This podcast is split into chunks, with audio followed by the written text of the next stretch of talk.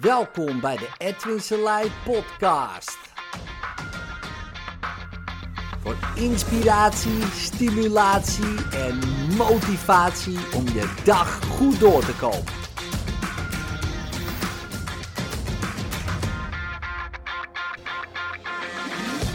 Oudere ouders hebben rustigere kinderen.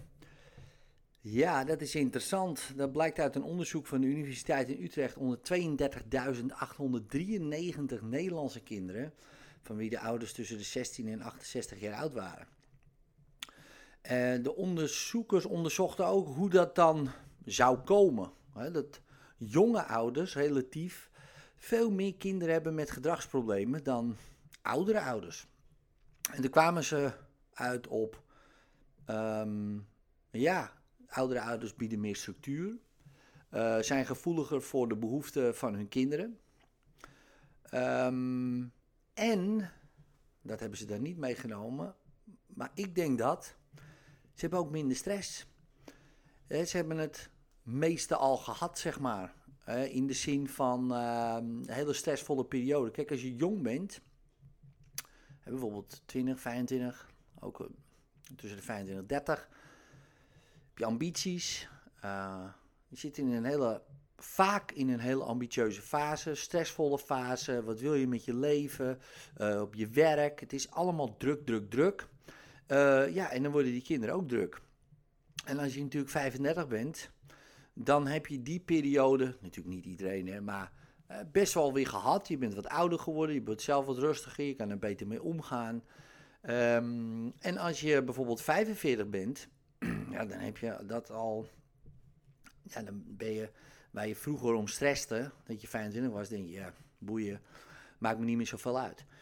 En dat geef je natuurlijk allemaal door ook aan die kinderen. Ik bedoel, de ergste stress is er dan vaak af als je ouder bent. Tuurlijk, hè, het zijn altijd uitzonderingen op de regel. Dat is, uh, lijkt me logisch. Um, wat ga je zelf maar eens na? Als jij je gewoon relaxed voelt, je geen problemen hebt, zijn vaak je kinderen ook relaxed. En ervaren geen problemen. Heb jij bijvoorbeeld um, woedeaanvallen en ga je dat verdoven met drinken? Ja, wat denk je wat je kind gaat doen? Die heeft driftbuien en ja, die kan moeilijk uh, aan de tiet uh, zijn alcohol verkrijgen. Of later via de fles of via de limonade. En dus die gaan nog geen alcohol drinken. Maar wat denk je wat die later gaan doen? Zeer waarschijnlijk alcohol drinken. Ja, ik bedoel, dat is allemaal niet zo heel veel hogere wiskunde. Ja, en, maar het gaat best ver, want ze doen jou, begrijp je? Dus ben je gepest vroeger? Heb je dat nog niet opgelost in jezelf? Wordt je kind waarschijnlijk ook gepest. Val je op foute mannen, foute vrouwen? Ja, wat gaat je dochter of zoon doen, denk je? Gaat hetzelfde doen. Ben je onzeker? Heb je dat nog niet opgelost? Want je kind waarschijnlijk gaat het ook doen. Ben je een pleasertje? Want je kind waarschijnlijk ook een pleasertje. Um, ben je bang? Angstig? Paniekerig? Ja, 10 tegen 1 dat je kind het ook gaan doen. Waarom? Zo leren ze. Ze pakken alles over. Alles. Ook datgene wat je niet wil. Ja, gisteren zit ik een programma te kijken. Home Alone. Het gaat dan over uh, allemaal kinderen van um, 8, 9 jaar. Die gaan dan in huis uh, dingen doen, weet je wel. Die moeten dat zelf allemaal bepalen en kijken wat er gebeurt. Het zijn gewoon kopietjes. Je ziet die ouders, je ziet die moeder, je ziet die vader. Je het is precies hetzelfde. Echt precies hetzelfde. En die ouders zien dat gewoon niet. Die therapeut die erbij zit, ook zelfs die um, ziet het misschien wel, maar gaat daar niet op in. Weet je, die doet, oh, ik, ik, krijg, ik word heel allergisch van dat soort programma's. Van, uh, oh wat goed hè, dat je kind dat zo doet, zie je. En eigenlijk bedoelt hij te zeggen, kijk mam, ik kan het allemaal alleen. Ik denk, wat bedoelt hij te zeggen man? Het kind is acht. ik denk, hoe weet jij nou wat hij bedoelt? Hoe weet jij nou wat hij wil zeggen? En wat voor fucking suggesties geef je nou aan die ouder alsof dat kind een dubbele agenda zou hebben? Die doet gewoon zijn vader. Die is zijn vader. Die is zijn moeder. denk ik, doe even gewoon joh.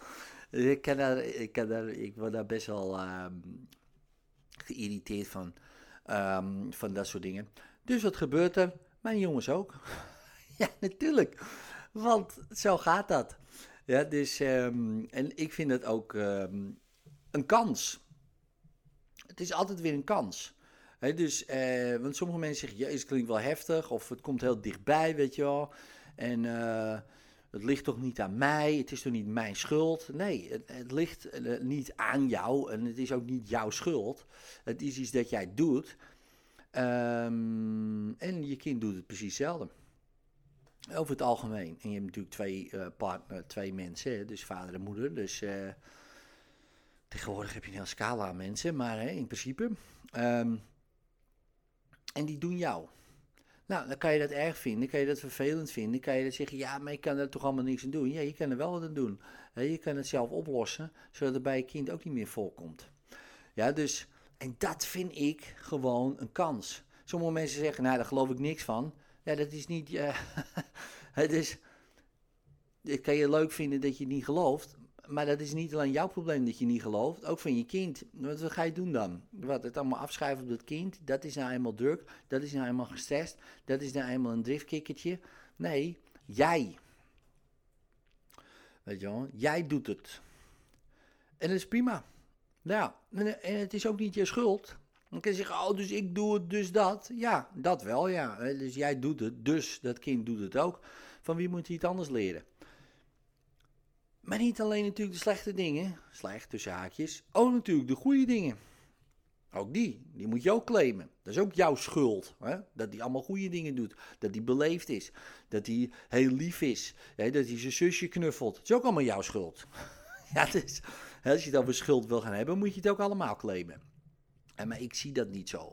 Ik denk gewoon, het is uh, gewoon zo. Um, je doet iets en ja, hoe je dat bent gaan doen, ja, man, dat zijn zoveel variabelen. Uh, dat kunnen we allemaal wel begrijpen. Als we je verhaal horen, weet je wel, en hoe je bent opgegroeid. En waarschijnlijk doe je ook je vader of je moeder. Heb je misschien allemaal verschrikkelijke dingen meegemaakt. Ja, oké. Alsof jij er wat aan kan doen. Nu nog. Hè? Aan wat er gebeurd is. Maar wat je natuurlijk wel aan kan doen, is hoe het nu, wat je nu doet. En dat nu anders gaan doen. En dat is niet per se makkelijk. Eh, dat, dat, uh, dat is niet zo. dus, uh, maar als je dat doet, als jij dat claimt, dat eigenaarschap, weet je wel, en zegt: Oké, ik doe het, ik ga nu wat anders doen. Dat is super moeilijk, man. Dat vergt moed, dat vergt kracht, dat vergt lef, dat vergt heel veel dingen. En natuurlijk ook naar jezelf kijken: van shit, man, ik doe dit. en ik wil niet dat mijn kind dat gaat doen. Nou, we kunnen ook wachten tot hij oud genoeg is dat hij het of zij het moet gaan veranderen voor je. dat kan ook. Dat doen de meesten. Is die uh, zeggen, ja, ik kan er niks aan doen, mijn kind is ontspoord of wat dan ook. Um, dan denk ik, ja, oké, je had misschien wat kunnen doen.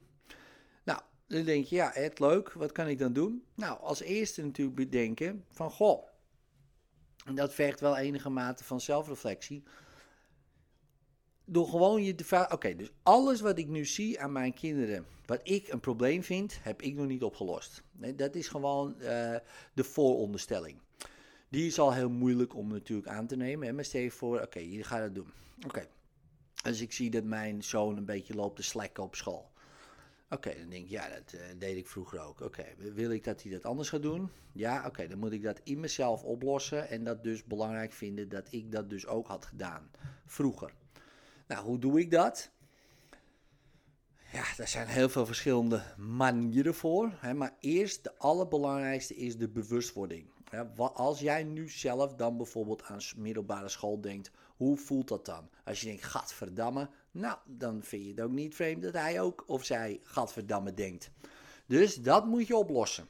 Hoe kan je dat doen? Nieuwe associaties maken bij die middelbare school. Net zo lang doorgaan totdat je denkt, nou, middelbare school was eigenlijk wel leuk. En dan is de kans zeer groot dat wat je daarna gaat doen om die, je kind te motiveren, beter helpt. Want als jij natuurlijk met een onbewust gevoel van, nou, ik vind het vond er ook geen kloot aan vroeger. Maar jij moet, het is wel belangrijk voor jou. Dan denk je, ja, dat is lekker. Dus jij zegt het een, maar ik voel het ander. Ze zijn niet achterlijk, hè? er zijn ouders die behandelen hun kind alsof ze half achterlijk zijn of zo. Dan denk ik, hallo, uh, ze zijn jou. Uh, neem je nou jezelf in de maling of het kind, of wie ga je in de maling nemen? En je moet gewoon daar heel eerlijk in zijn, ook naar jezelf toe. En niet per se naar het kind. Zo van ja, mama vond het vroeger ook verschrikkelijk. Maar eh, ik vind het wel belangrijk dat jij het doet. Zou je ook kunnen zeggen. Hè, maar ik, zou het gewoon oplossen. Hè, dat jij het gewoon, als je dat belangrijk genoeg vindt. En anders moet je het accepteren. Ik zeg ja, het is gewoon een slekker. Net als ik. Ik vond het niet belangrijk. Ik vind het nog steeds niet belangrijk. Het interesseert mij geen kloot of je het wel of niet haalt. Gaat hij lekker werken. En komt er wel. Oh, prima. Nou, dan hoef je ook niet meer druk te maken erom. Dan hoef je ook niet de hele zijn reet aan te zitten om zijn huiswerk. Dat is het dus. Maar als jij dat belangrijk vindt, dan moet je afvragen waarom. Is dat voor de buitenwereld? Van ja, ja, ja. Hè? Is dat omdat je een goede ouder wil zijn? Terwijl eigenlijk diep van binnen je in kan mij schelen. Of vind je het gewoon werkelijk belangrijk dat je denkt, ja, ja, weet je, wat ik vroeger niet heb gedaan, ja, ik heb er misschien best wel spijt van eigenlijk. Dus ik denk, ja, als ik nou door had gezet, had ik misschien dit of dit kunnen doen. Gun ik mijn kind. Oké, prima. Top, super. Maar verander het dan. Verander die spijt. Verander die associatie met school in jezelf. En dat zal bij diegene dan ook veranderen. En mensen vinden dat vreemd. Maar ik, het is, als je er goed over nadenkt, is het het meest logische wat er is. Zo logisch. Communicatie gaat op zoveel vlakken. Het is wat je zegt. Het is wat je erbij voelt. Het is wat er onbewust allemaal speelt, energetisch. En mensen denken, ja, het is toch alleen wat ik zeg? Nee, man. Het is ook hoe je het zegt, uh, hoe je erbij staat, wat je erover gelooft, wat je zegt. Dat gaat, speelt allemaal door, heel subliem en subtiel in je gezichtsuitdrukking, in je houding, in je toon, maar ook in je energie. En die kinderen zijn jou. Ik kan het niet vaak genoeg herhalen. Ik heb het denk ik al honderd keer nu herhaald. Maar het maakt niet uit hoe vaak je het herhaalt, want 99% doet er toch geen fuck mee. Dus je kan, kan dat net zo goed nog jaren op deze manier herhalen. Maar ik vind het interessant. En het is dus een kans. Ja, voor ons allemaal als ouder. Het is gewoon een superkans om zoveel mogelijk in onszelf op te lossen. Zodat die kinderen. Ja, natuurlijk, die gaan ze problemen krijgen en meemaken en dat soort dingen. Maar ik bedoel, als wij nog met uh, allerlei traumatische shit rondlopen. Ja, uh, dat wil je niet doorgeven. Los het op. En het kunnen hele kleine traumatische dingetjes zijn. Trauma is misschien een te groot woord daarvoor. Bijvoorbeeld, ik had gewoon een bloedhekel aan de middelbare school. Los het op. Los het op. Want de kans dat die jongens een bloedhekel aan de middelbare school krijgen, is vrij groot dan natuurlijk. En na de middelbare school is mijn schoolcarrière gestopt. Nou, wil ik dat al mijn vier jongens hetzelfde gaan doen? Nou, liever niet eigenlijk. Nee, waarom niet? Nou, uh, ik vind het wel, nou ja, belangrijk. Ik zou het leuk vinden als ze gewoon doorgaan. Weet je, voor, want werken kan altijd nog. Nou, vroeger dacht ik daar heel anders over. Heel anders. Dus ik heb dat in mezelf veranderd. Ja, zodat ik gewoon nu wel, als ik nu de middelbare school, nu aan de middelbare school denk, denk leuk man, ik had best wel door willen gaan en daarheen, dat ik daar een goed gevoel bij heb. Want dat vergroot natuurlijk de kans dat als ik ze motiveer naar een vervolgstudie, dat er geen een of andere onderhuidse, onderliggende, onbewuste, energetische ondertoon aan zit. Ja, snap je wat ik bedoel? Nou, dit was mijn rant. Genoeg geluld. Later.